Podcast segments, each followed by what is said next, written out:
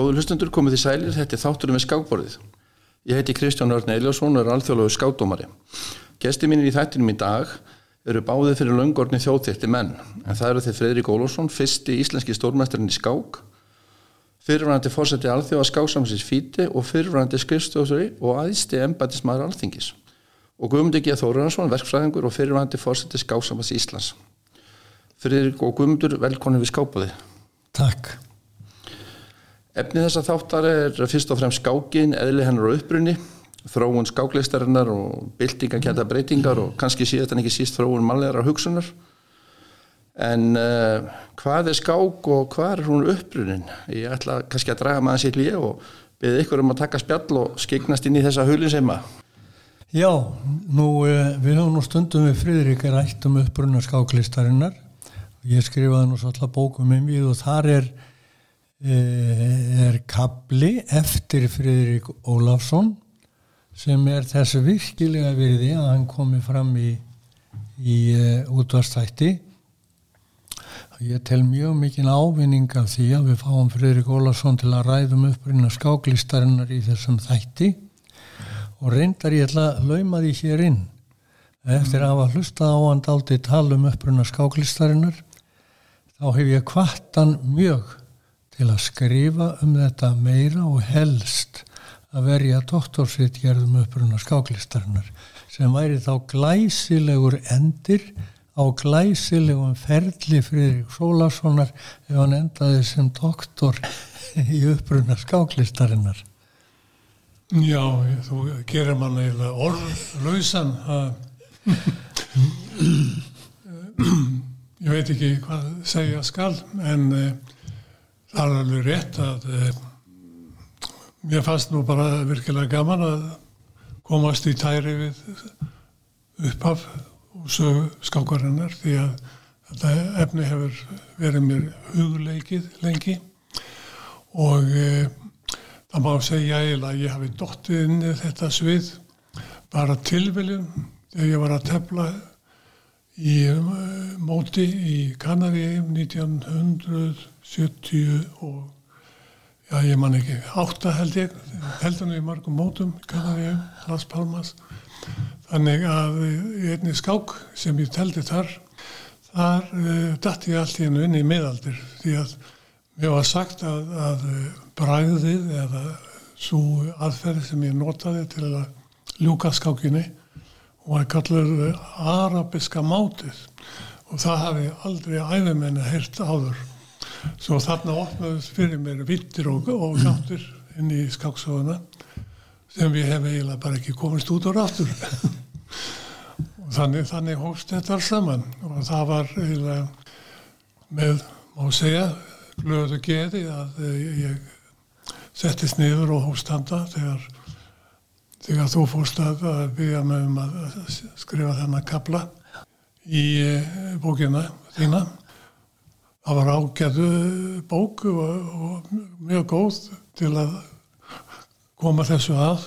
Því að hún passaði vel inn í þarna milli kapula hjá þér.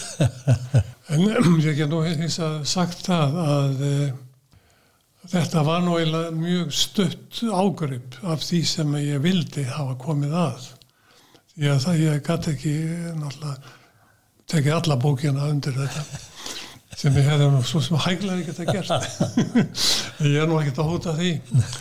En uh, þannig hótt þetta nú alls saman og, og það sem að þarna líkur eftir mig í þessari bók það er í rauninni bara ágrip og, og svona stuð, má segja fljóðlega yfir yfir söguna.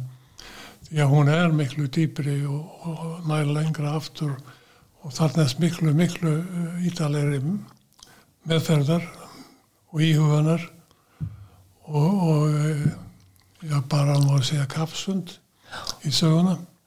Nú ég veit ekki hvað á að halda áfram lengi með þetta en, uh, en ég var alveg fús að, að fara út í þetta. Ég veit ekki þetta tekur náttúrulega langa tíma þetta er mikil fræði sem þetta liggja baki og ég hef nú svona gert mér svona í hérna farum að það sem ég lesi er eina svona að lesa á milli línuna hvað er rétt og hvað er, hvað er ekki rétt. Því að það er allstaðar og vill vera svo að þegar bækur eru skrifar af einhver fræði þá vill koma mikið af alls konar óþarfa upplýsingum sem maður hefur ekkert að gera við svona fræðilega. En það, það er náttúrulega sko kunstinn að, að geta náð því úr sem er svona bitastætt og skilja hitt eftir. Ég held að þú veitir alveg hvað ég á við. Já, ég, ég skilði alveg Fridrik, sko. Mér fannst þegar ég las bækling eh, Averbæks um Já. þetta, um uppbrunna skáklistarinnar, þá fannst mér ég eh, fá mikinn fróðleik. Já. En svo þegar ég fór nú að ræða við þig að þá sá ég að þú hafði nú farið eh, talsett dýbra heldur en að vera bakk og um, það veri mikill fengur að því fyrir ekki sko, þessi uppbrunni skáklistarinnar sem nú kannski fyrst í þátturinn sem væri gaman að því að ræða við um síðan kemur þróun skáklistarinnar og allt þar á eftir að um, það veri gaman að heyra þig sko fjalla aðeins um uppbrunna skáklistarinnar. Ég satt að segja efastum að það hafi margir farið jafn djúft í það og þú.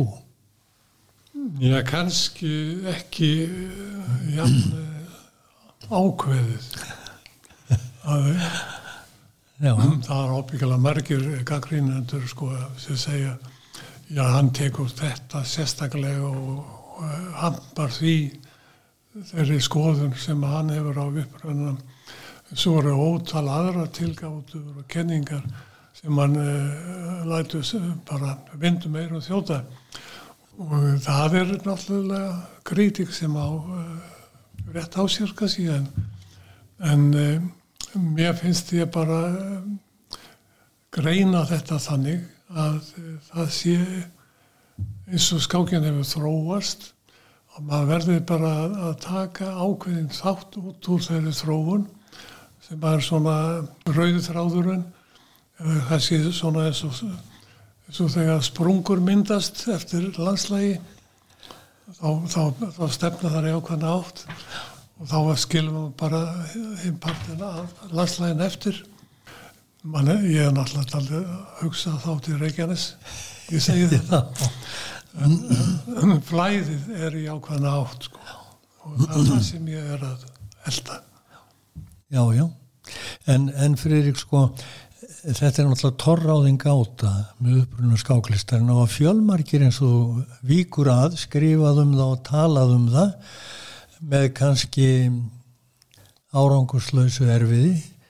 En mér finnst þú að farið þarna dýbra þú ferð allaveg til Norður Indlands er það ekki? Og Norður vestum, mér sé Já, ég, það verið gaman að heyra því e, e, rekja það aðeins hvaða þú telur á hún komi og, og svona fyrstu skrefin í þróuninni. Sko það er náttúrulega alveg ljóst að það er engin eitt maður sem að hefur fundið skákina bara svona því að smerla fingurum og segi hérna er þetta tilbúið þetta er margar sögur, þjóðsögur sem að myndast um hvernig skákin kemur fram og það er náttúrulega bara eins og, og æftir og þjóðsugur maður verður bara að greina það frá. En þetta er náttúrulega hefur verið gert á sínu tíma þeim sem að vildu láta skákjana svona forframast og, og, og breyða, breyðast út.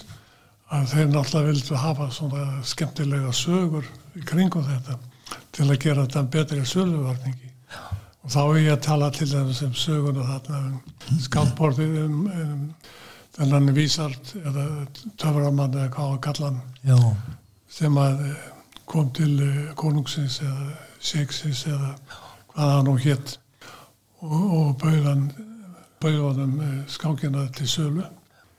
Hvort hann vildi kaupa þennan greip og þetta, þetta uppfendingu og og konginum leið svo vel á þetta hann fjall alveg fyrir því. Og svo þegar hann baðum á að vita hvað þetta ætti að kosta þá, þá var hér virtist nú uppfendingamæður verið afskapla hóvær og nefndi að hann vildi fá eitt korn á fyrsta reytin og annan reyt vildi að fá hvað korn í, í öðru veld. Já, og svo og svo kolla kolli. Þrjú í öðru veldu, fjögur í öðru veldu það er ekki rétt. En það enda þá með því að, að, að allar kottbyrðil heimsins það reyndust ekki til að að, að fullnægja þessari kröfu eða ósk. Þó kongurinn heldur nú í fyrsta kasta þetta er nú auðveld en þetta er nú bara þjóðsögur aðeins eins og við þekkja það. Skemmtileg saga Já, hún er skemmtileg og hún er ábyggilega góður. Sjöluvarningu til að efla skákina og hennar útbreyðslu en, en, en, en mér finnst sko að þegar maður sér hlutina í samhengi að það sé hægt að finna svona ákveðna þjóðbröð fyrir hana í, í þróunni það er bara mín kenning sko. Og þá, þá er ég, nenni ég ekkert að vera mikið að leita í aðra ráttir eins og til Kína til allra annara landa þar sem hún hefur komið fram undir öðru heiti og allt svoleiðis í svipuðu formi. Því að það er bara staðreind að á einu stað í Índlandi í norður Índlandi þar kom fram ákveði tabl ákveði tabl sem hétt Sjátoranga og ég tel það tafl vera formóður skákarinnar eins og hún er leikinn í dag. En uh, sko það er alveg ljósmál að uh, það var talsagt búið að skýja áður en þetta tafl kom fram. Og, og hvernig sko uh, þið, það er margt nýtt í þessu tafli sem ekki að þið sést áður og þar er ég fyrst og fremst að nefna að, að mennirni sem að voru átta í fremri röð, það voru beð og fremri og segni aftari röð sem að voru á að segja. Já, Fredrik, þú, sko, þú hefur rakið uppruna skáklistarinnar til norðvestur Indlands og það er mjög merkilegt að þú einangrar upprunnan við það að vísu segiru Sjáturanga er kannski ekki alveg fyrsta skrefið í öllu saman. En það verið gaman að þú fjallaði svolítið um það. Já, ég er að meina það sko að e, Sjáturanga það er fyrsta sko finnst mér sem er kallað er sko formóðir nútíma skákar það er alveg greinlegt sko að það getur enginn borð breyður á það að þetta tabl sem þetta kemur fram hvort sem að það er frum sko útgáfa að, eða ekki það getur ekki verið frum útgáfa. Það er alveg útilvaka því það er margskið þarna áður ef þetta tabl kemur fram sem að hefur orðið til þess að það varði þessari mynd en, með þessum mannum Friðrik var ekki Sjáturanga spilað með teningum. Var ekki kasta teningum um hvernig átt að það, mennin það er sko er sjálfur sér ekkert uh, mikilvægt aðriði Nei, þér finnst það ekki. Nei, mér finnst það ekki. Já, þið annað Já, það er bara spurningi um það viltu nota þinn eigin frálsa vilja Já. til að tefla eða, viltu láta einhver örlega öll fórlega öll ráða því Já. hvaða leikur er leikin og það, það er sko það er bara eitt stíg þróunar. Það er þannig að, að um leið og ferð frá því að vera með með uh, teininga til til að ráða ferðinni hvernig skákina leikin þá ferði ég bara það stig að viljin ráði hverju leikið er. Þetta er nú alveg stíl við það sem þú skrifar. Og, og þá ertu kona á herra má segja menningarstig var þetta skákina. Akkurat, Ríksson, ég finnst eiginlega um leið og horfið er frá því að kasta teningum hvert mennirnir eru færðir að þá erum við komnir í eitthvað alveg nýtt og alveg eins og þú segir harðneskja tilviljunarinnar sem að ræður þegar þú kastar tenungi. Hverfur út úr þessu en það er hugar afl og ímyndunarafl einstaklingsins við borðið á móti vilji hans sem kemur og það er það sem mér finnst eiginlega að skapa möguleikan á að skákin verði list. Það er ekki bara teningar. Þess vegna fannst mér þetta aldrei mögnuð uh, breyting þegar að viljinn kemur inn. Já, var það nú ekki þannig að, að hérna þetta með sko örlögin og allt þetta, forlögin þetta var sko ekki háð vilja mannsins að tali var. Akkurat.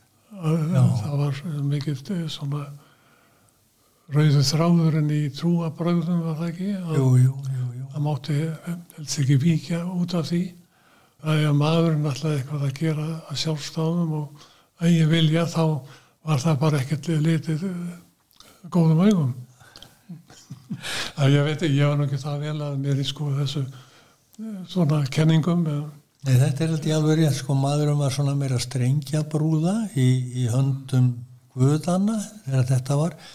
Það vísu held ég að veri sagt, sko, að Platon hafi líst einhverjum svona leik þar sem að maðurinn vilji mannsins réði. En þarna er breyting, er það ekki Freyrík? Að frá því að kasta teningum um hvert maðurinn er færður og, og allt það, að þá kemur maðurinn sjálfur og velur með sinni domgrind og viljastir hvað er gert.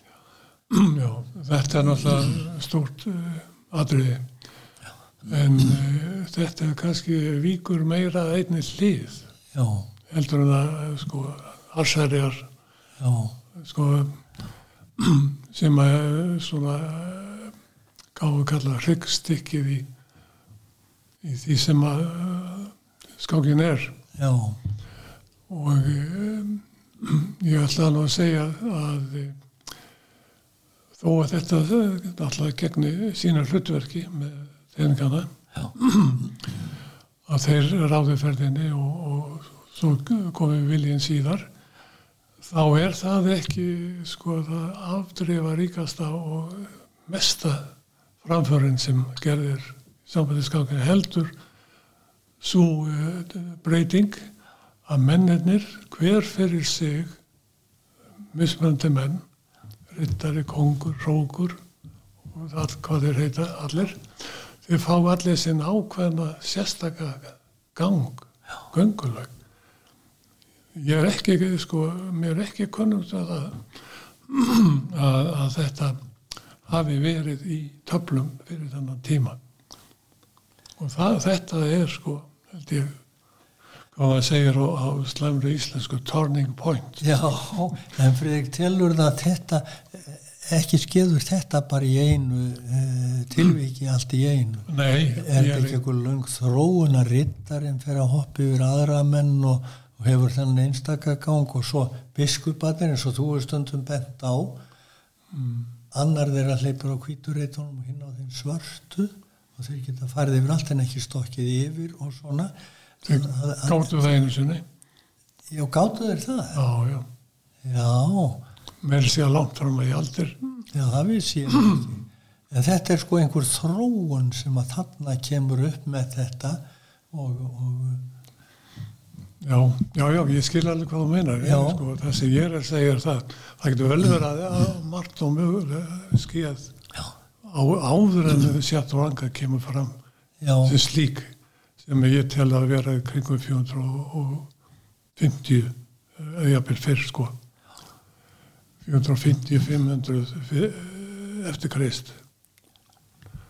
Og e, sko þó að e, þessi breyting hafi kannski á sér stað á langu- á lengum tíma áður. Já, þá hefur við engin merkjum slík s- spil. Ekki fyrir sett og ranga er komið þarna allt í hennu sko þannig að hún er sínileg Þú treystir þér fyrir til að segja að upprunni skáklistarinnar tengist sjatt og rangar sem þú kallar formóður skáklistarinnar. já, sko það, það getur hafa átt í stað laung þróun Já, að þessari formóður en við höfum bara engin teikl enga sko ekkert eh, í höndunum til að, að, til að, að festa hendur á þeirri þróun. Þannig að, að þarna kemur fram eitthvað sem við getum notað sem sko frum spilið Já. fyrir þá, fyrir skákjana eins og hún er í dag. En það sem að skeður svo fyrir, ef við má aðeins gripa fram í fyrir, sko, við fáum rókunina allt í einin, annað hvort kóngsmegin eða drottingamegin, við fáum að peði í byrjunum að fara tvoreiti og framhjáhlaupið sem að kemur inn í það. Og eins þetta sko að það má með að færa peð upp í borð þá má vekja upp drottningu. Tilur ekki að þetta hafi skeið í einhverjum stigum svona þróun. Það gerir það. Það gerir það. Það gerir það sko og það gerist ekki fyrir en skákin er komin til Evrópu. Já. Þessar breytingar kom ekki fyrir en að skákin kemur til Evrópu. Nei, þegar, þegar skákin kemur sko frá þarna já, frá Arab, Arapunum arabiska kalifatinu já. sem að er nú uh, misnótaði í dagtalið að kemur yfir til spánar þegar, þegar márar ráðast inn í spán. Að vísu veit ég ekki hvort þeir hafðu skákjana með sér þá þessa sem var þá í arabiska formin kallað er. Og um, hér Satranja Satranj og þá kemur hún yfir til Evrópu og þá er hún í, er næstum því í sínu sett og ranga formi. Og hefur búin að vera það síðan hvað, 550 og þetta er hvenar 711 fara máratnir yfir sundið. Og, og 830 þá er sagnir um það Cordoba á Spáni að, að þar talaðu skák. Já, já. og síðan eh, heldur skákin áfram norður úr og konungsríkin þarna í Európu taka við þessu. Og það er þar sem að þróurinn hefst að því að gera skákin eins og hún er í dag. Þetta er mjög merkilegu punktur sko, ég hef ekki gert mig grein fyrir þessu. Að þar sé þessi sko vendi punktur. Sko svo kemur Ísabella náttúrulega drotningin um hvað 1400 50-60 Já, hún er sko höfuð hérna skaparinn. Hún er höfuð skaparinn. Já, því hún uh, gerir drottninguna þegar já, valdamesta manni tapsins úr því að vera svo minnsti. Já, já, já. og þarna sko að hann skrifa heil bóku á þetta ágættur í konu. Alveg rétt. Feminista sem að að konur dagsins í dag að taka sér Ísabellu til fyrirmyndar mm -hmm. hvað þetta snertir Þú gafst mér um mitt þá bók og hún er mjög aðteglisverð en þú vilt meina að þessi mikla þróun um gang mannana Já. biskupsins, rittarans rókurinn breytist ekki, hann fór alltaf eftir beinu línu var það ekki síðan rókunin og allt þetta að þetta komi við þetta breytingarskeið þegar skáking kemur yfir frá, frá arabíska kalifatinu já, já. blóma tíma Íslam já, sem var stóð frá hvað 500, 630 vil hvað? 1262 sko en, en sko það er þetta er eins og aðra hluti farðu eitthvað í hendur. Þeir fyrst að vanta eitthvað eitthvað sem að gera svona meiri möguleika gefa hún meiri möguleika gera skemmtilegri. Og, og þá bara ferða stað til að reyna að finna út hvað, hvað þarf að bæta við hverju þarf að bæta við.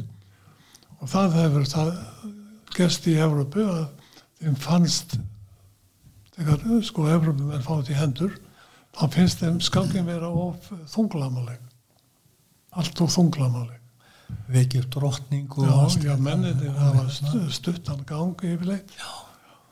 og til það rittarinn, já hann gæti stökkið við mann. Já.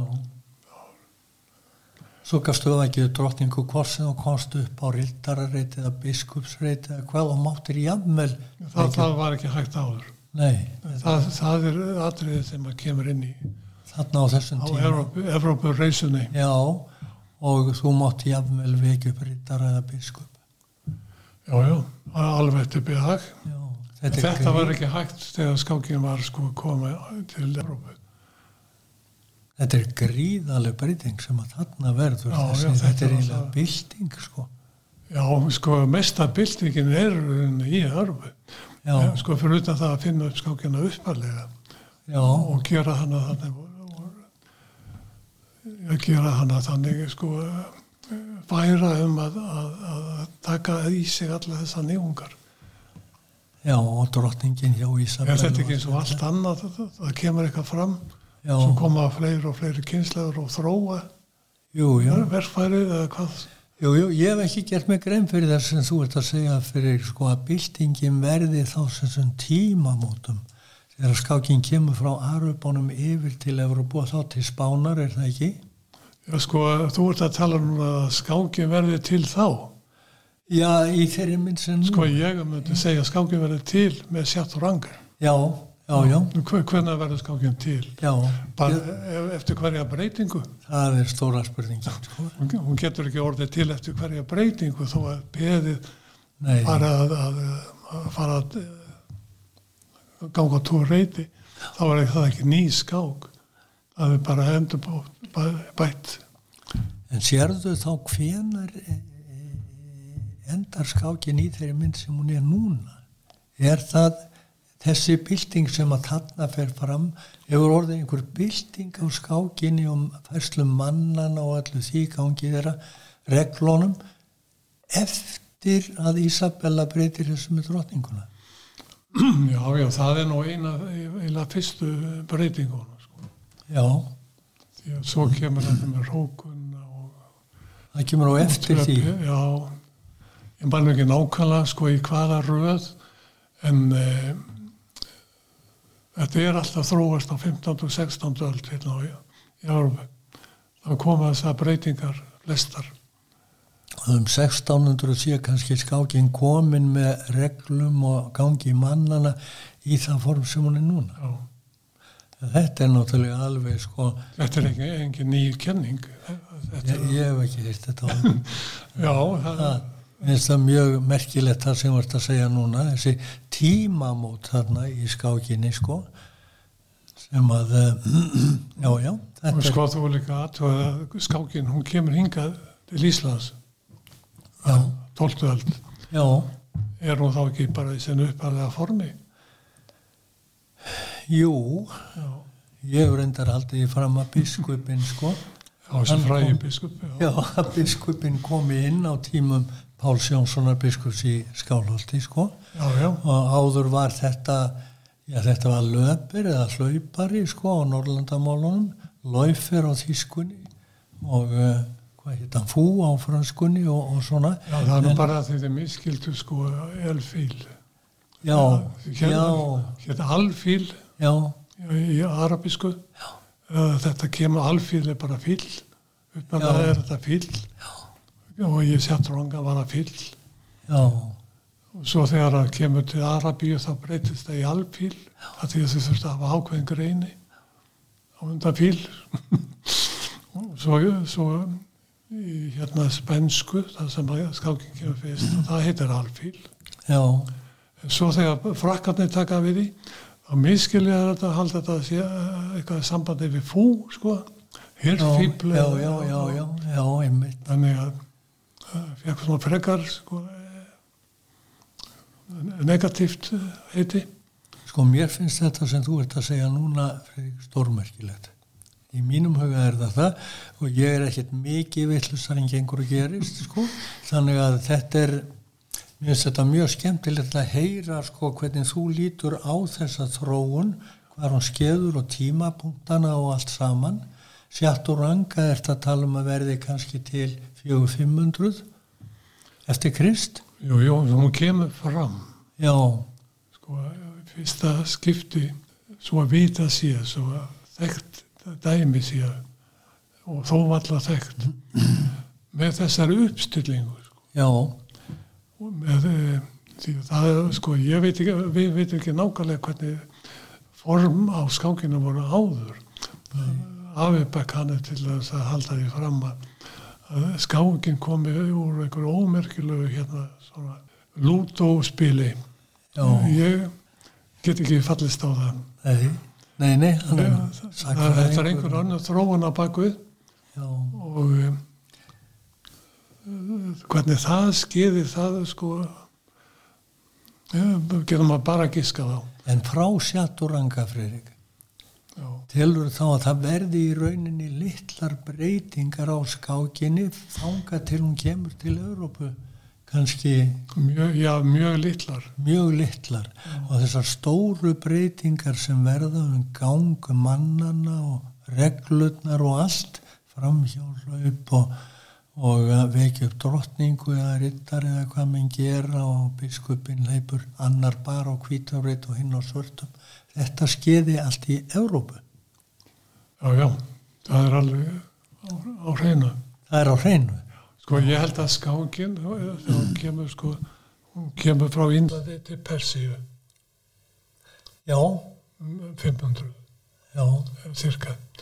Það er einhver sagnir, tvo sagnir um þegar keisarinn í Persíu fær þetta gjöf og, og hann eh, hann er hérna á að fá þetta gefis og alls konar gefið sem kom með að þessir indverjar indversku hérna, mongólar að fyrstar að hvað það heit allt ef hann geti ráðið sko hvernig tablið væri telt já þetta er nú svona En telur þá Friðrik sko að skákin sé tiltölu einangruð sjatturanga í Indlandi, norður-norðvestur Indlandi, fram til hvað segirðu að þetta fer yfir til Persíu.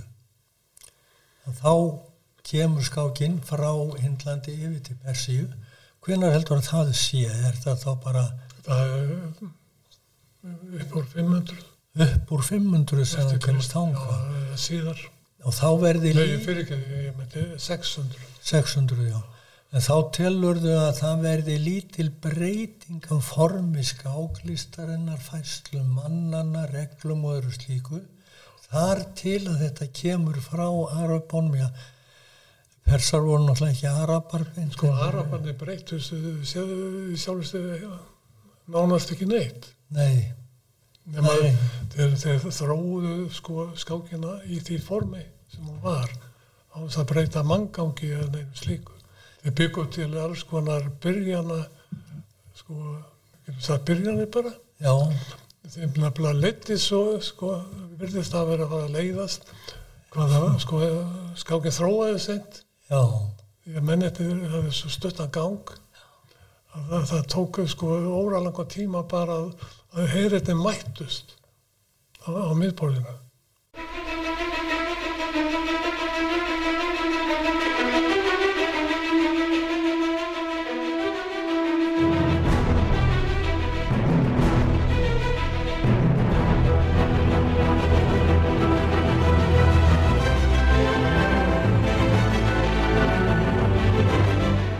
Góður hlustendur komið því sælir, þetta er þátturum við skákborðið. Ég heiti Kristján Örn Eiljósson og er alþjóðlegu skátdómari. Gesti mínir í þættinum í dag eru báðið fyrir löngorni þjóðþétti menn, en það eru þeir Fredrik Ólafsson, fyrsti íslenski stórmæstarinn í skák, fyrirvænandi fórseti alþjóða skáksamsins fíti og fyrirvænandi skrifstjóðsari og aðsti embætismæður alþingis. Og Guðmundi G. Þóraransson, verkfræðingur og fyrirvænandi fórseti skáksamans Íslands. ég held í fram sko að Kristján, Já, að Friðrik hafi skýrari mynd af þessu heldur nokkur annar sem ég hef talað við eða lesið eftir. Og það er þess vegna sem ég er alltaf að reyna brínan til þess að skrifa um þetta doktorsritgerð. Og ég held að það væri alveg ómetanlegt að þessi fróðleikur og stúdía Friðrik er nefnilega vísindamaður af eðli sínu og mjög nákvæmur maður að þetta komi einhver stað fram og varðveitist og ef hann svíkur mig um að skrifa doktorsirkjör þá er það þessi þáttur þinn Kristján sem að kemur þessum hugleiðingum Friðriks á framfæri þannig að það glatist ekki sko. Þú voru að fyrirgefa Guðmundur en margt af þessu sem að ég verið að segja það er þegar vitað sko Já, já, já, ég, ég hef nú lesið sko bæði þá Íslendingar sem að skrifaðum um skáklistarinnar, Amerbakk og fleiri, en þú kemur mér mjög á, á vart með sönd að þessu, það er náttúrulega, ég veit að þú er nú alltaf síð allar hluti í skýraraljósi en ég, bæði við skákborðið og, og kannski líka sko á alþingi, þegar var þar, en eh, Já, já, það ég hef ekki reykið mig á það að þetta hafi komið fram svona í svona skýri mynd. Kristján, tekkir þú þetta svona? Nei, ég þekki nú ekki, en minni, ég er kannski með spurningu, ég, að því að tala um skák og mát, svo ef ég skil rétt þá var pattið, var þýtti hérna áður fyrir dauða, það var semst kongur var dauður en var patt, en í dag er hann, er hann hérna, já bara patt eins og við hvernig myndi í dag, hann, að því að í lögunum í dag fítið regluna, að þetta er alltaf að þróast eins og Freyr sagði á hann, það er kannski þetta, hún, skákin er að þróast og heldur áfram að þróast. Að, að tilgangu skákarinnar er að ekki að drepa kongin heldur en að máta hann. Og hérna þessan eru sko er til dæmis ólöru reikur í dag að drepa kongin mátt ekki drepa kongin, þú verður að máta hann. Já, matt því að drepa Já, emitt, matt, emitt það hefur breyst í dag sko. Já. Sjakk matt. En patt kemur þá í þessari mynd líka inn í Evrópu. Sko það voru eitthvað skiptar uh, meiningar um það hvaða það eitt að tákna hvaða áhrif um patt eða hvort getur hreift sko. Já, hvort það ætti að því að uh, sá sem var minni með leiðsafla hvort að hann væri sko, þá tapaður eða hvort þetta ætti bara því að játtifli að því hvort það gæti hreift sig þetta var alltaf verið sko svona deilverðni Mér, mér nefnilega skilji þess að spyr, spyrja ykkur, mér skiljast að patt sko í hérna áður þegar hefði verið sigur, döðu kongur, en í dag er það jafntefli. Sko ég get sagt að stundum var það annar tapaði og stundum var það játtifli. Það er, það er engin sko algjör, algjörði regla um þetta. Þetta er alltaf að þróast alltaf já en svo er þetta þetta sko að, að eh, ég tefli kannski við Friðrik og ég stend uppi með tvo rittar og kong og hann bara kong, þetta er nú náttúrulega eins og fiksjón og hefur aldrei geta komið fram í okkar takmi sko frá Friðriks. En sko það er ég tefli. Og ég mandur að Bronstein hann talaði mikið við mig um það að þetta væri óréttlátt að gefa jafntefli að annar fengi hálfanvinning og hinn hálfanvinning og annar er með tvo rittar og kong þetta ætti að vera 0,8 vinningar og hann var að tala um sko að það ætti að breyta reglónu sagði Bronstein að biskupin geti stokkið yfir menn og peðin geti gengið aftur á bak og hafi ymsa Gengið aftur. Já, gengið aftur, gengið aftur. Það væri sko, hann var með ýmsar svona hugmyndir og uh, náttúrulega þessar skákir sko þar sem þessi klassíska skák þar sem maðurinn þú er tvo tíma og svo fyrir hún í byð að þetta gengi ekki sko, þetta væri með að horfa fótbolta. Leikurum væri búinn á þenn tíma sem að skápmaðurum væri að hugsa sig um næsta leik. Alveg. Já, já, það var nú mikið, mikið sko framför þegar byðskákir voru nöndar já, að er, sko það voru sumir sem að náttúrulega hafðu uh, mikla hagsmunni af þessu já, svo fyrir þetta heimsmeistari bótvinning Já. það var heilan hér af hérrafla í kringu sig eh, til að stúdira byrja byðskákir en það bjargaði mörgum töpuðu skákum var sagt. Já, var það? Já, já. Já, Ég lendi nú eins og þegar ég var teflið 72 í Moskvu. Mjög erfiri byggskóku í Korsnói já, þar sem að ég stóð í vinnings sko. ég var með með ritt- einn rittara á móti tveimur rittarum að ég átti að fullta peðum sko. og ef ég hefði haft góða góða hérna aðstofamenn þá hefði ég nú sannlega unnið þá skák. En, en uh, ég var bara einn. Já, hann var með fullt aðstofamenn hann, hafði stæn sér við hlið og kostnæstir Korsnói og fleiri sko Já, ég sagði að þetta er náttúrulega óréttlátt að Já. ég er einn að stúdara þetta og þú ert með heilan hér hérna stórmæstar þú sagður það við Ég sagði það við, já, þetta var 72, þetta var nú áður en hann fór sko. hann hefur viðkjönd þetta Já, hann var ekkert sko þannig sko, hann var, nei, hann var ekkert að deila um svona staðreindir. nei ekki, ekki svona staðreindir. En, en sko, já, já, en það er má kannski segja líka tölvan, hún hefur verulega áhrif á að byggskakirna eru feldar niður. Það sá sem hefur bestu tölvuna, hann er nú nokkuð vel settur í að stúdira byggskakirnar. Já, maður sérstaklega með eitthvað í eirónu líka. Já, og já, heyrðu, svo kemur það, sko. Þá erum við kannski vartin að stökkva, sko. Mér finnst þetta sem Friðrik er að segja núna stórmerkilegt. Það er það fyrir mér. Og ég hugsa að það sé fyrir mjög marga þó að hann hafi sjálfsagt rétt fyrir sér þegar hann segir mér Guðmundur þetta var nú vitað áður samt að þessu. en ég held að þetta sé en svo kemur stökkbreytingin sko með tölvuna og, og nýmann þegar að Magnús neytar að tefla við hann og segir bara hann, hann, hann svindlar og, og þegar Björn Þorfinnsson segir sko þegar Alfa sér og kemur og leikur biskugunnar 5 þá byrtir hann bara fyrir sögn í dagblæðin og segir þetta er dagurinn þegar heimurinn breytist þetta hefur engum dóttu í huga að leika þennan leik, sagði hann. Það var kannski daldið stert að orði kveðið. Friðrik hefur nú betri dómgrind á það en ég. En það er sama að þróunin sko með tölvunni hún er að koma. Já, hún, hún er innleiðir til að alveggjörlega nýja, sko. Hvað var að segja? Nýtt umhverfi. já, nýtt umhverfi, einmitt það er þetta orðið Og ég, ég veit ekki hvort ég á að taka einn stertir orð eins og Bobby Fischer sem sagði að, að tölvan hefði drefið klassiska skák. já, hann, hann sagði það Hann sagði, já, já, við sátum tveir já, og hann sagði bara friðið computers kill chess computer, classical þér. En svo Friðrik að við stakkum eitt skrifa áfram.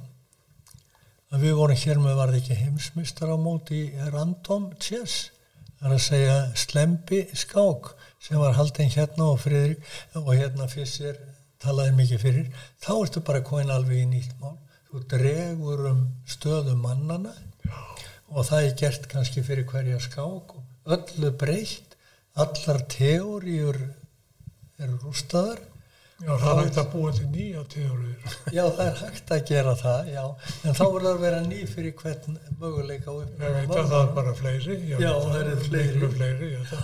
En þetta er auðvitað alveg, alveg stór kostleg breyting sem sýnir okkur að skákin, hún er lifandi ennþá, hún er að breytast, það verður að breytast fyrir þetta svo kemur fyrir sér með, hvað var það ekki, inkrement sko, hann kemur með það að það bætast við, hvað, 5 sekundur og það er líka grundvallar breyting með að falla á tíma og svona, sko skákin er eitthvað eitt af furðuverkum veraldarinnar fyrir það, Já, hún er alltaf að breytast og Já, hún verðist að hafa eh, mikla eiginleika til að breyta sér í alla kvikitaða líki. Það já, já, já. Kannski of stert fyrir orðatekið, en og hugsaðu þér Kristján sko þegar Fredrik Ólafsson ungur maður hér á Eyði Eyjun nánast upp í miðju Allansafi hann er að fara að tefla sko.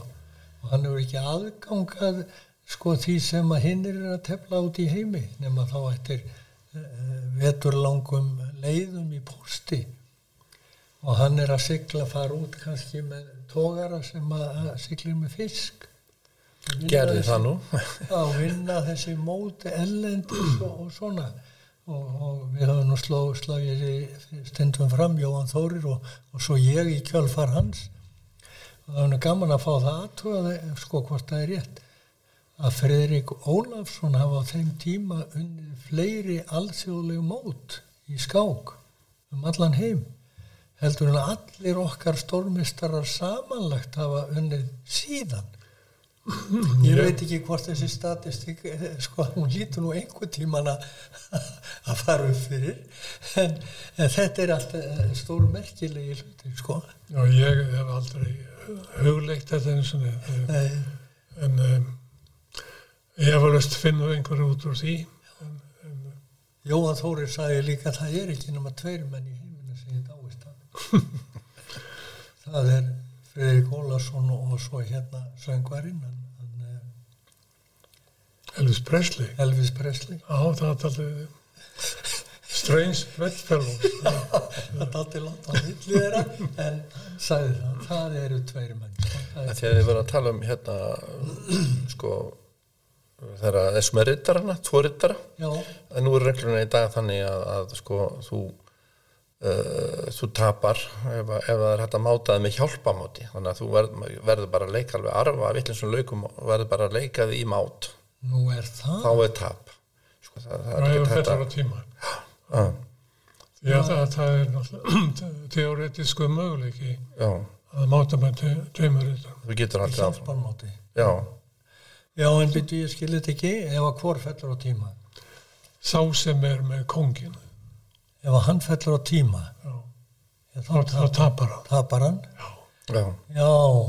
Að því að eh, segjum að hvítur sem er nú svartu er já, skákdómar svartu fellur á tíma. Já, þá hann hefur næ, nægilegt efnin til þess að máta með hjálpamáti en ef hann var með rittara þá var ég, þá var ég jafntöfli tveir rítarar að þá getur hann já, með hjálpa Já, og eitt annað það þegar þú voru að tala um fysser að tala um sko þróunna sko klukkunar við bæ- bæta við tíma og, og hérna slempiskákin og það sem ég sögðu áður uh, með uh, hérna að, að það væri búið að drepa tölvunum hefði drepið hérna hefðbundum skák eða þessa klassísku skák. Það er kannski svolítið sko til í þessu því að Karlsen saði þessu nú bara hann teldi ekki um, hann bara gaf, gaf heimsmyndaratillin bara upp á bátinn, hann vil tefla steittirskákir og er farin að tefla slempiskák Ding Líren nú er hann til heimsmyndari, hann er hvarf í 8-9 mánuði en núna tefla í sjáarvík að vikan sík mótinu. Mm, og hérna er það ekki klassísk skák? Jú, en hann svona uh, það er eitthvað leið í honum.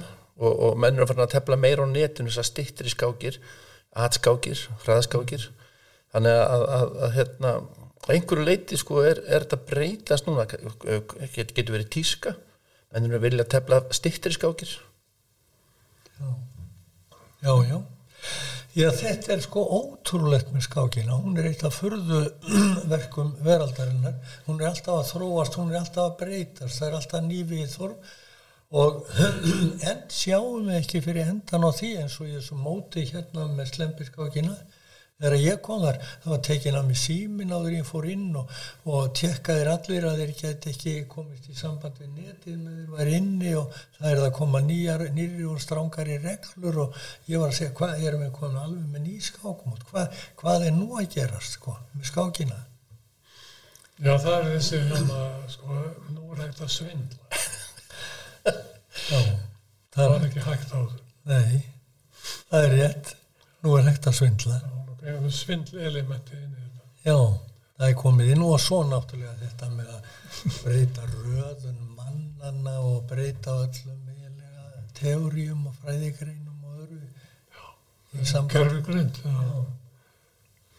Já, þetta er ná að hugsa þannig eins og með reykjákumóti sem dæmi að við, það er kannski 30 skákir í, í betni 30 huttu skákir í betni nú farið að vera sko töfa ósendingu kannski 15 mínútur vegna þess að nú er símanni bara komni með tölvunar sem eru sko bara með í símánuðinum sko öfluga tölvu sem maður getur segið leikin og, og þegar við sendum út í betni þá hérna ertu bara með upplýsingar í rauntíma bara hvernig staðan er, hv- hvort einhver sé að tapa hvernig, hvernig staðan er á borðinu þá er mjög öðvilt fyrir einhvern hjálpa mann að gangi í salin og, og, og gefa eitthvað merki með hú eða trefli eða eitthvað sko, hvernig góði stórmestarar þurfa ekki nema bara upplýsingar kannski einu sinni tvisar í skátt þess að vita hvernig staðan er og þannig að þess neð verið að tefja útsendingar þessi að bið þannig að Það þýðir að, að tölvan, hún er alltaf betri.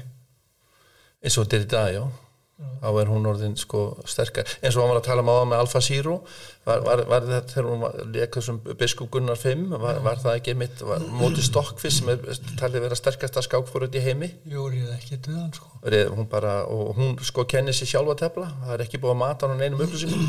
Ég er ofta að hugsa með Friðrik Ólarsson að, þegar hann var upp á sitt besta ef menniðu verið fannir að tefla slembiskák þá hann var kannski veikar í teóriinu eftir en margir af þessum stórmisturum og það er nú tekið tillit eins og hefur stundum við rætt um það að Petrósjan, skákmestarin ósigrandi, hann tapaði fyrir Fredrik Ólafsson vegna þess að hann áttaði sig ekki á hvert hann var að fara sko. Hann fór út fyrir og út fyrir kassan og, og leka tilfinningu meira og Petrósjan reyði ekki við þetta. Er það ekki með Friðrik akkurat þetta? Hef- Heldur að þú hefði ekki orðið bara heimsmeistar í slembiskák því að þú hérna teflir þína byrjanir og hérna Þetta er dálítið erfitt að svara þessu. Um, Það hefði fyrir ykkur að svara því. hann er svo hóvar Ég held að við, við sláum þessu fyrstu við Kristján. Þetta var merkilegt sko og, og ég man eftir því að það var sagt frá því hvað var það ekki Ljúblíana þegar þú teltur við Petrúsjan og Vanstan og uh, Júgoslavarnir sem voru þessi mikla skákþjóð að þeir settu á einu torginu í Ljúblíana þá settu þeir upp stort síningar sko, borð og þar var pilturinn frá Íslandi að segra Petrosjan. já, þetta var sko dálítið meiri kringu þetta. Já, loð okkur að heyra. Þetta voru byðskákir. Sko. Voruð byðskákir. Já, þetta var byðskákir. Ég man ekki nákvæmlega en uh, það þurfti að, uh, einhvern ástæðu þurfti að flytja þær í annað húsnæði. Já, Það var ráðhúsi í borginni sem var efsta hæð sem var, var sett undir byðskákinar og svo þarna á sko húsliðinni þar var sett upp helgar mikið tapborð til að, að ég held að hafa nú bara verið eitt borð frekar en tvö. Já, og þarna þetta var aðal torgir í bænum sko í borginni. Já. í Tækt eftir, Kristján, tækt eftir. og e, okkur þetta sama dag þá átti e, náttúrulega tilingur e, Jugoslavana eða Serbana Gligorits hann átti erfið byggskák við tal. Já, og e, þessar tvær skákir sko voru teltar e, þetta var tvær byggskákir úr ég man ekki hvaða umferð þetta hefur verið miðið móti. Og e, það var alltaf mikill múur sem náttúrulega allir vildu að glíkur sinni. Þeim var nú ekki ósk sinni tapaði glíkur fyrir tal. Glíkur Já, tapaði og náttúrulega mikil sorg sem ríkti á torkinu já, eftir það. Svo var sett upp mín skáku og Petrósjan og það var nú ekkert sko miklar eh, svona Júkoslav voru nú ekkert yfir sér hrifnir á rúsum nei, það var nú ekki, sko. það er rétt. og, og þess vegna var það ekki lítill fagnuður þegar ljóst var að ég var að sigra Petrósjan það, það var þarna bara allsærjar fagnuður á torkinu og eh, já, ég átti nú ekki von á því sko því ég kom út að ég fengi ekki að, að komast að það minnar en það var nú annað mál því að ég var strax tekin upp og borin hérna á herðum eh, og já, já, já, já, ég man það ekki En sko Petrosjan er skákmistarinn ósigrandi sko. Og fyrir Júkoslavana þessa miklu skákþjóð að þeir eru með þetta á stóru síningarborði á stærsta torkinu í Ljúblíana og þetta er einhver piltur frá Íslandi og hann er að taka Petrosjan sko. Þetta vakti náttúrulega svakalega aðtegli, ég man eftir þessu sko. já, já, þetta vakti aðtegla náttúrulega langt út fyrir uh, skákreðsur sko. Allalegði út í mitt það, ég held að svona atbyrði hafa aldrei skeið í skákmóti fyrir það síðan. Nei, ég veit ekki til þess. Nei, þó er kannski ærin ástæð til kannski sambandið fissir og það geta tekið svona hérna já. á Íslandi en Íslandingar er eitthvað svona róleri Já, það var náttúrulega, já, já, þetta með fyrst við mögum ekki fara út í það því að það er svo mikið umtala að fara að tala um einvíð, sko. En ég segi þó við ykkur, takið eftir því að sömari 72 er allur heimurinn undir lagður, undir, undir hérna kaldastriðið. og þjóðirnar skjálfa um allan heim það verður ágreiningur millir bandaríkjana og sovjetríkjana og þeir eru búin að skipta landinu, sko heiminum landfræðilega í, í, í vinaþjóðir og óvinaþjóðir og hugmyndafræðilega í kommunisma og kapitalisma og, og allir eru bara á öndin yfir þessu. Þánga til sömari 72 þá gleymist þetta. Vegna hvers?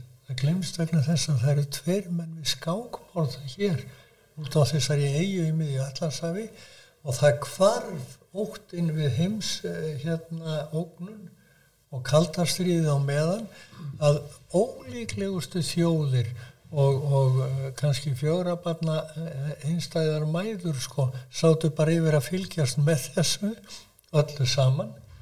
Að það voru tveir menn að tefla skák á Íslandi hitt kvarma með hann. Þetta sýnir nú enn, ennið mátt skáklistarinnar og uh, við verðum að láta hann Fridrik lofa því hér og nú að fari í það að verja doktorsitt gera mörguruna skáklistarinnar því að hann er, já, öllu sem ég hef fylgst með sá eini sem myndi ráða við það sko því að hann er bæði eðliseginleikana vísindamanns eiginleikan og nákvæmnina og síðan þekkinguna sem hann er búin að byggja upp um þetta mál. Og ég stendi þér í trú að sömta því sem hann er að segja hérna munum við ekki að mikla aðtegli um þróun skáklistarinn ég hef ekki gert mig grein fyrir að þetta hafi verið svona eins og hann er að lýsa því. Jó, ég held að eh, dreyja það ekki tilbaka mm. og ég get að það miklu meira sko? Já, Já, þetta er ekki nema bara hluta því. Já við erum ekkert nema eiru hérna. Ég sko meina það að að sko að, að hérna skákin sko maður er alltaf að taka sér leifi og, og segja að þetta er sko formáðurinn já, já. Já þú gerir svo það. getið einhverja koma og sagt já þetta var nú langt á undan þetta hérna er fyrir bæri sko einhver einfaldari mynd. Já, það getur ekkert sannað það að, að, að, að þessi sjáttur ranga sé leitt af þessu. Já, en, en það er miklu einfaldari mynd sko. Og kannski er að finna eða þú verður í Kína þú getur farið út um allan heim sko og fundið einhverja einfaldari sko töfl sem að svona, að svona í sig vísi að uh, manntabli en, en akkur en er einhver tilgangu með því að finna það getur ekki bara sagt að þarna kemur fyrst fram áþreifaleg sko típa, skák típa sem að nú tíma skák tabl er leitt af. Þetta er fyrsti svona handbæri já, svona eða svona leikurinn já, sem að getur fest hendur á já. Sko, ég held fyrir með við þitt orðspor í skákheiminum, ekki bara á Íslandi heiminum. Heldur ef þú skrifaðir þetta niður og tækir þetta sem doktorsvörn með háskólan. Sko ég segja alveg eins og ég strax. Já, að ég, ég mun skrifa eitthvað já, en það er ekki út af því hvort ég fæði doktorsrið uh, doktors ég veit að þú ert ekki sérstaklega kannski spenntur fyrir því, en það væri mjög mikið gaman að því, bæði fyrir að þú líkir skákferlinum á þennan hátt og eins sko að ég held að þetta sem að það, sko það er tekið mark á því að þú setur þessa kenningu svona fram í tímaröð og hvernig þróunin verður til, til í þessu öllu saman þetta mun ekki aðtikli og ef þú ekki gerir þetta ef þú gerir þetta ekki. Ég mun skrifa. Já, ég vona það. Ég óttast að þessar hugleðingar þínar glatist ef þú gerir það ekki.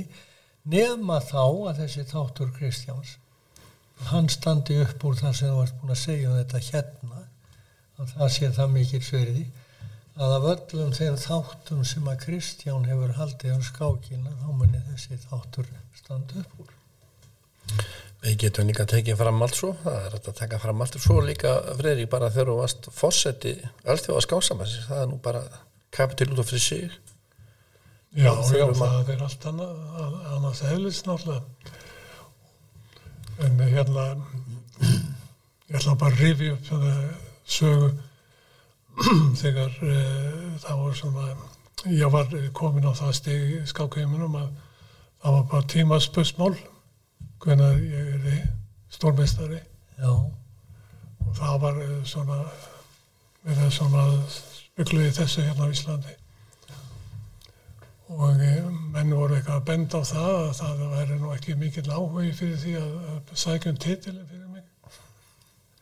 Já, var það líka, já, þá fórum meira sér að fara einhverja atkvæðagarisla úti á skáksambandin og, og það er einhverju tveir sem voru á móti því.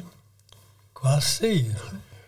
og eh, en það var eitthvað, eh, sko, skáksambandið var eitthvað mjög seint að taka við sér Já, og sendu ekki sko umsókn.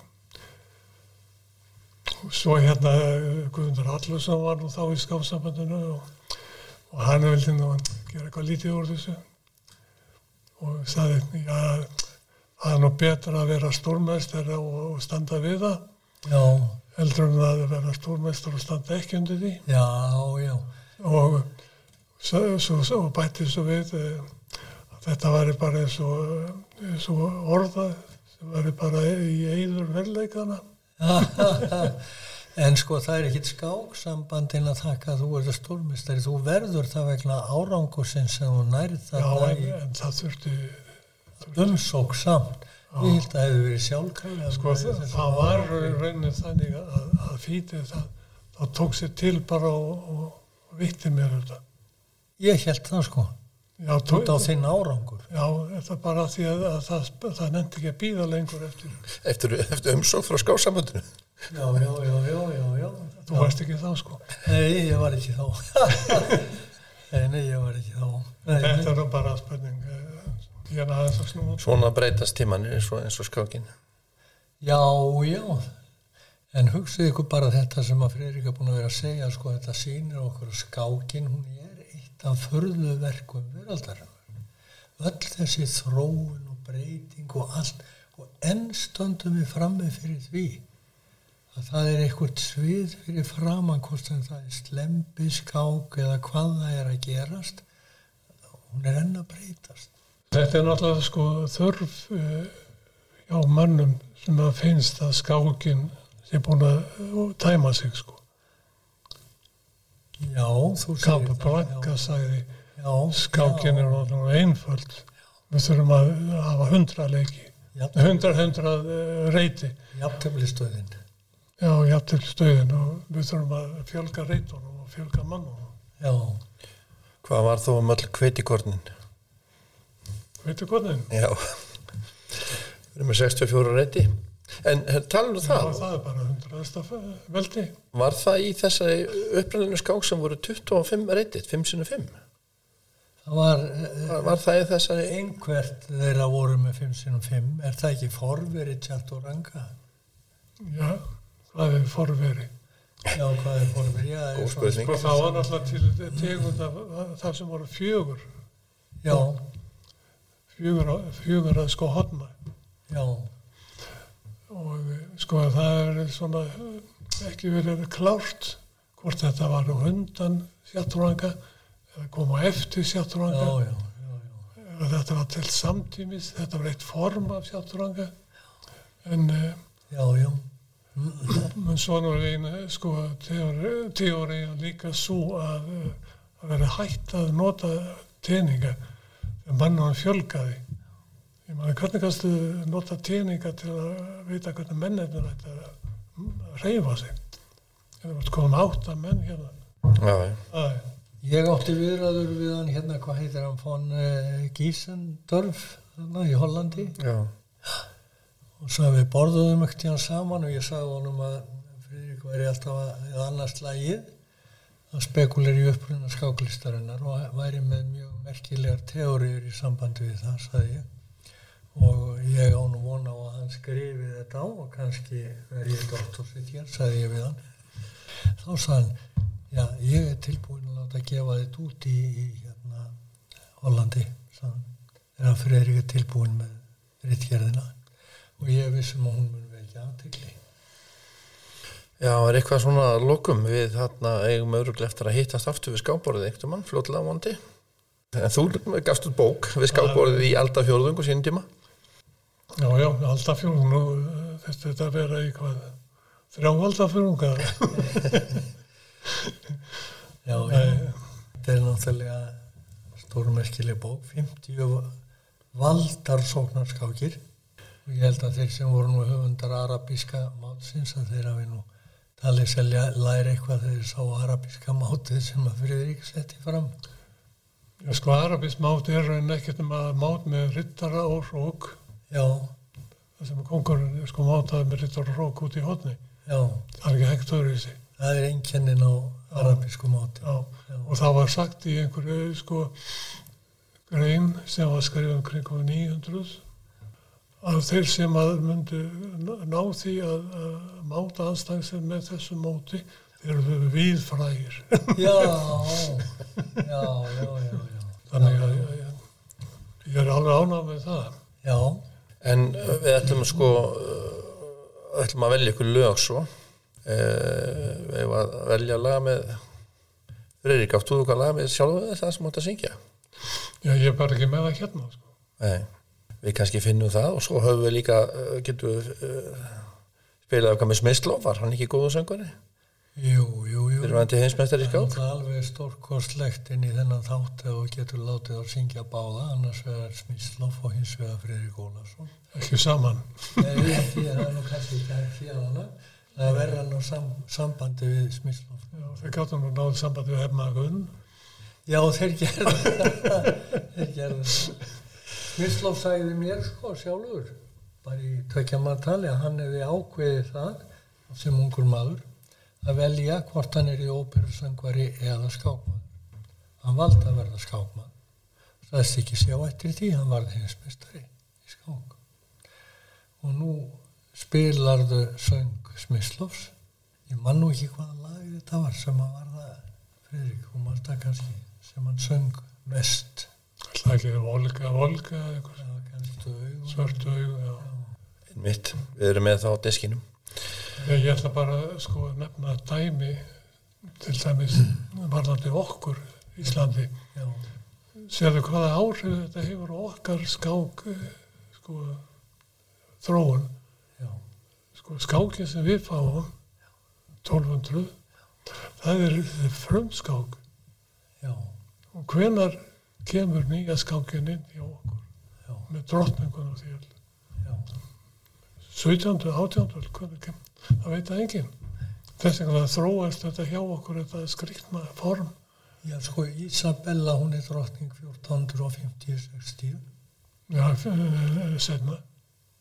heldur það? Já, það, það er handrið frá 1482 það sem var fyrst skipti í sögunni kemur drottningin fram Já, sem slík sko Já. sem, ég held að hún hefur verið komin á sínum ferli að komin með þessa hugmynd í hvern réttindastefnu sinni.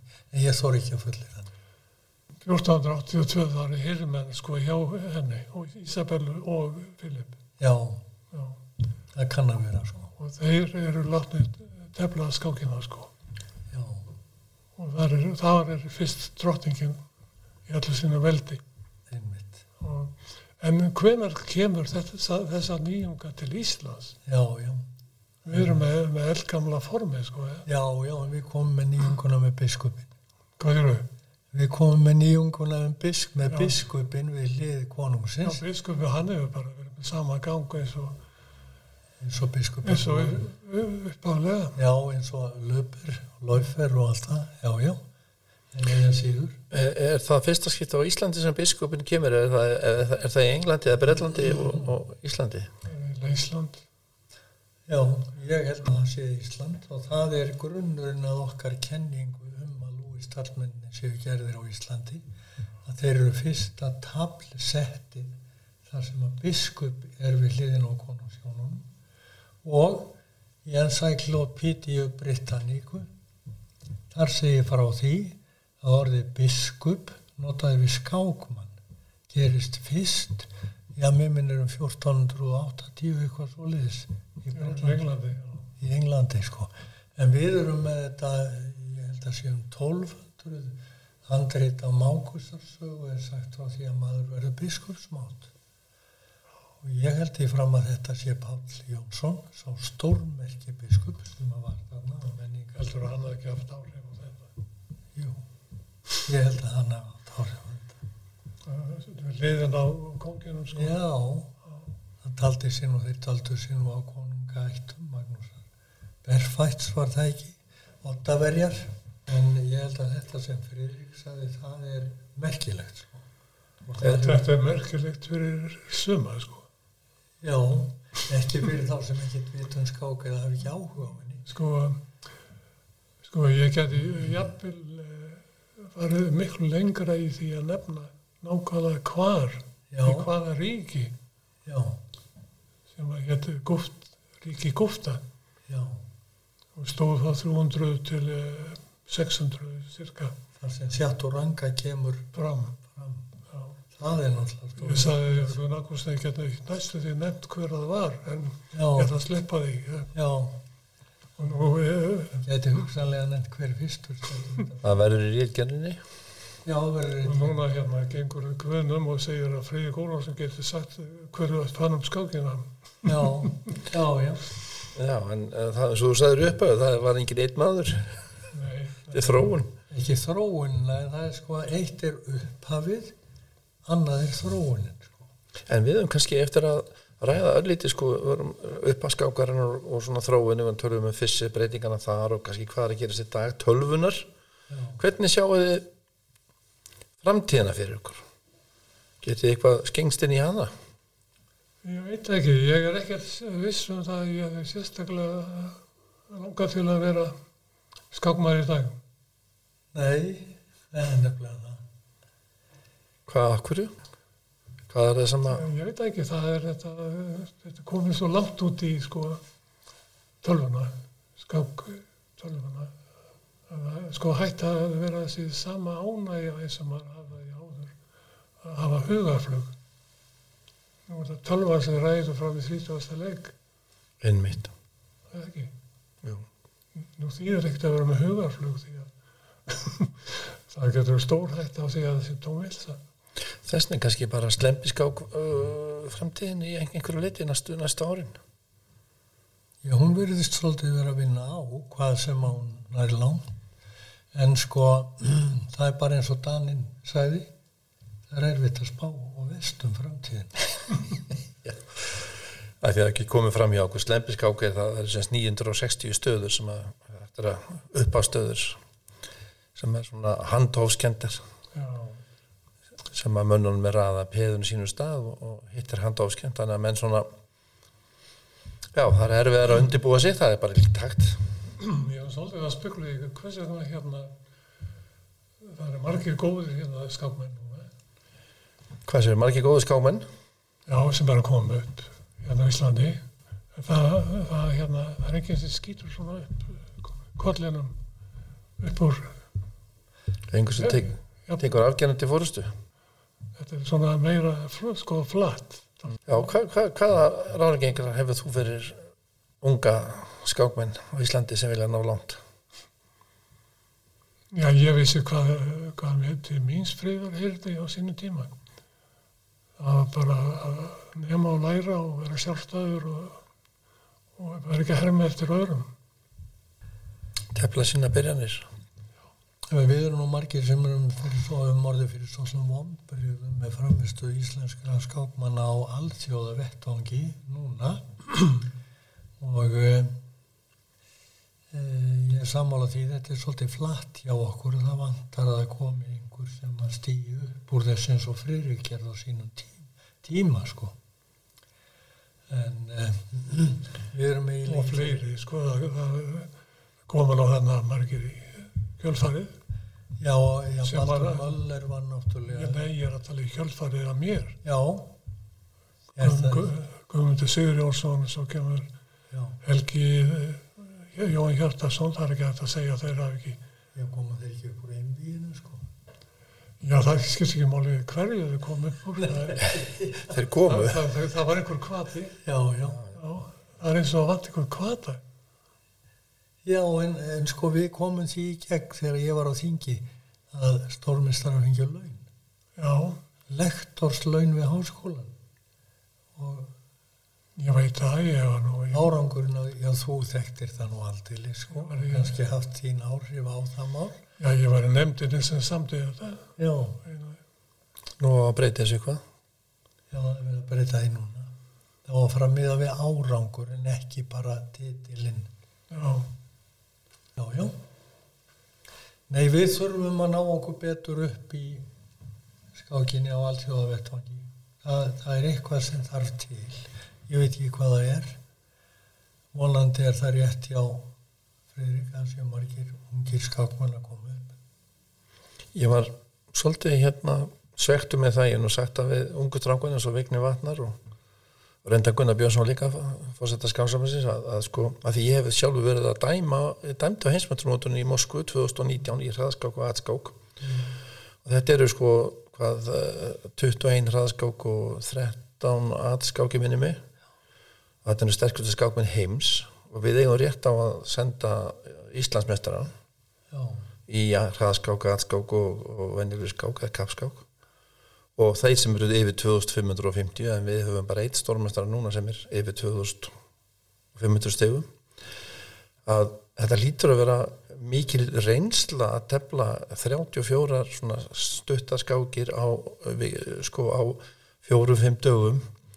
Að þetta er svona glata tækifæri að senda ekki uh, okkar Íslandsmeistara á þetta mót. Þetta á bara að vera möst eins og maður segir á góður íslensku. En það er ekki fyrir ykkur hvað finnst þér? Jú, veist það var staðlust að sleppa því. Já eitthvað að lókum? Það er helja margt.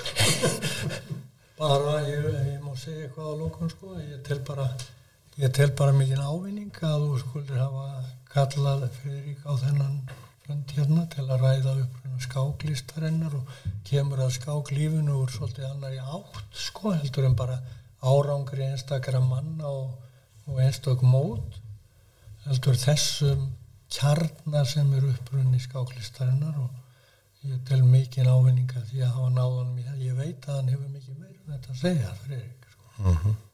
og uh, ekki síst eins og hann nefnir sjálfur hvar og jáfnvel í hvað héruðum í Indlandi þetta hefur komið fram og svona eins og hann segir á þess að hafa háttuð að hann gerir sig jáfnvel grein fyrir hver kom fyrstur fram. Það er kannski full mikið sagt. En um, það var mjög, sko, þetta ríki, þetta kallað, sko, þetta ríki gúfta sín tíma. já, Þetta talið, sko, krímóði, sko, já, öllu skeiðinu sem að í og krím já, ríkinu sé svo alveg frá upphafi, sko. Þetta, þessi menning sem var þarna já, á þessum tíma, já, ég held að skákinn spretti ekki upp og sko einu, einu hérna samanlega Já, það var þetta loka orðin Ekki? Þættinu við skáborðið lokið í dag. Ég þakka gestum mínum, fyrsta stórmestari Íslinga, Friðrik Ólafsinni og Guðmund Ekki Þóranarsinni fyrir rændi fórsta skáksambands Íslands fyrir komin í þáttinu og sérlega fróðlegt og skemmtileg spjall. Einu sinni þakka fyrir tæknamál og stöðun útsendingar og hlustöndum öllum fyrir hlustununa. Ég heiti Kristján Örn Eliasson, verið í sæl og góða stundir. Friðrik, þú, þú valdir lag sem við ætlum að spila núna í lokin. Hvaða lag valdir þú? Jú, mér fannst uh, bara ágætt að við höldum okkur við skákheimin líka á því sviði. Var uh, góður söngvari sovjaskur sem að uh, margir þekkja, Vasilij Smislov. Já, áttu þá ánægju að uh, tefla átt við hann og það er hann oft syngja. Svo ég held að það væri bara við hæfi að við uh, látum hann hafa síðasta orðið og hlustum á hann syngja hvað Volga til dæmis Volga eða svörtu augun Það er semst fyrirvændi heimsmættir sem allar að syngja okkur. Já, ekkert minna Ekkert minna. Já, ég tek undir þetta að þetta væri skemmtilegt að fá þetta inn í þáttinn.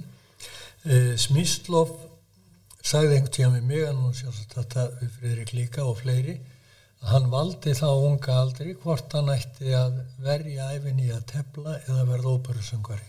Og hann valdi að tefla og varði hinsmistari. En e, hann söng oft minnir mig, hann söng alltaf þegar hann kom til okkar, hann kom nokkur um sinnum Fridrik, ég man ekki alltaf ekki verið þrísvar og þá tvísvar öruglega tvísvar sko. Þá hérna urðum við svona aðeins varir við það að hann móðgæðist ef hann var ekki beðin um að syngja. Og hann söng alltaf fyrir okkur eitthvað. Og ég mann sérstaklega eftir að hann söng sko svartu augun fyrir okkur og það var svona í loka hófi og þar var meðal fleiri manna ágætur skákmeistari Freysteinn Þorbergsson sem að líka talaði rúsnesku, hann hafi lært í rúsnesku eitthvað tíma. Og hann fór upp í ljónumann til að þakka Smíslof fyrir. Eh, og þakka hann sérstaklega fyrir hvað hann hefði sungið svörtu glerugun við en það er vist mjög líkt á rúsnesku sko, eh, augu og glerugun glerugu, já ég er ekki alveg um, ég hef hýrt þessa sögu en þá, þá voru gleru og orðin að glóðar ég vil ekki vera ábyrð á því. Við skulum það ætti mikilvægt káttinu eða maður rétt. Já. Við skulum smetla á lægin á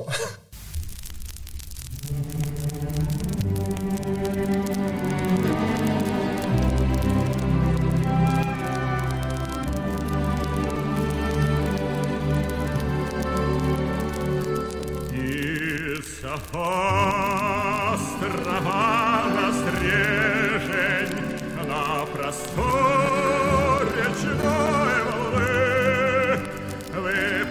выплывают дроздки сные сеньки розино челны на перед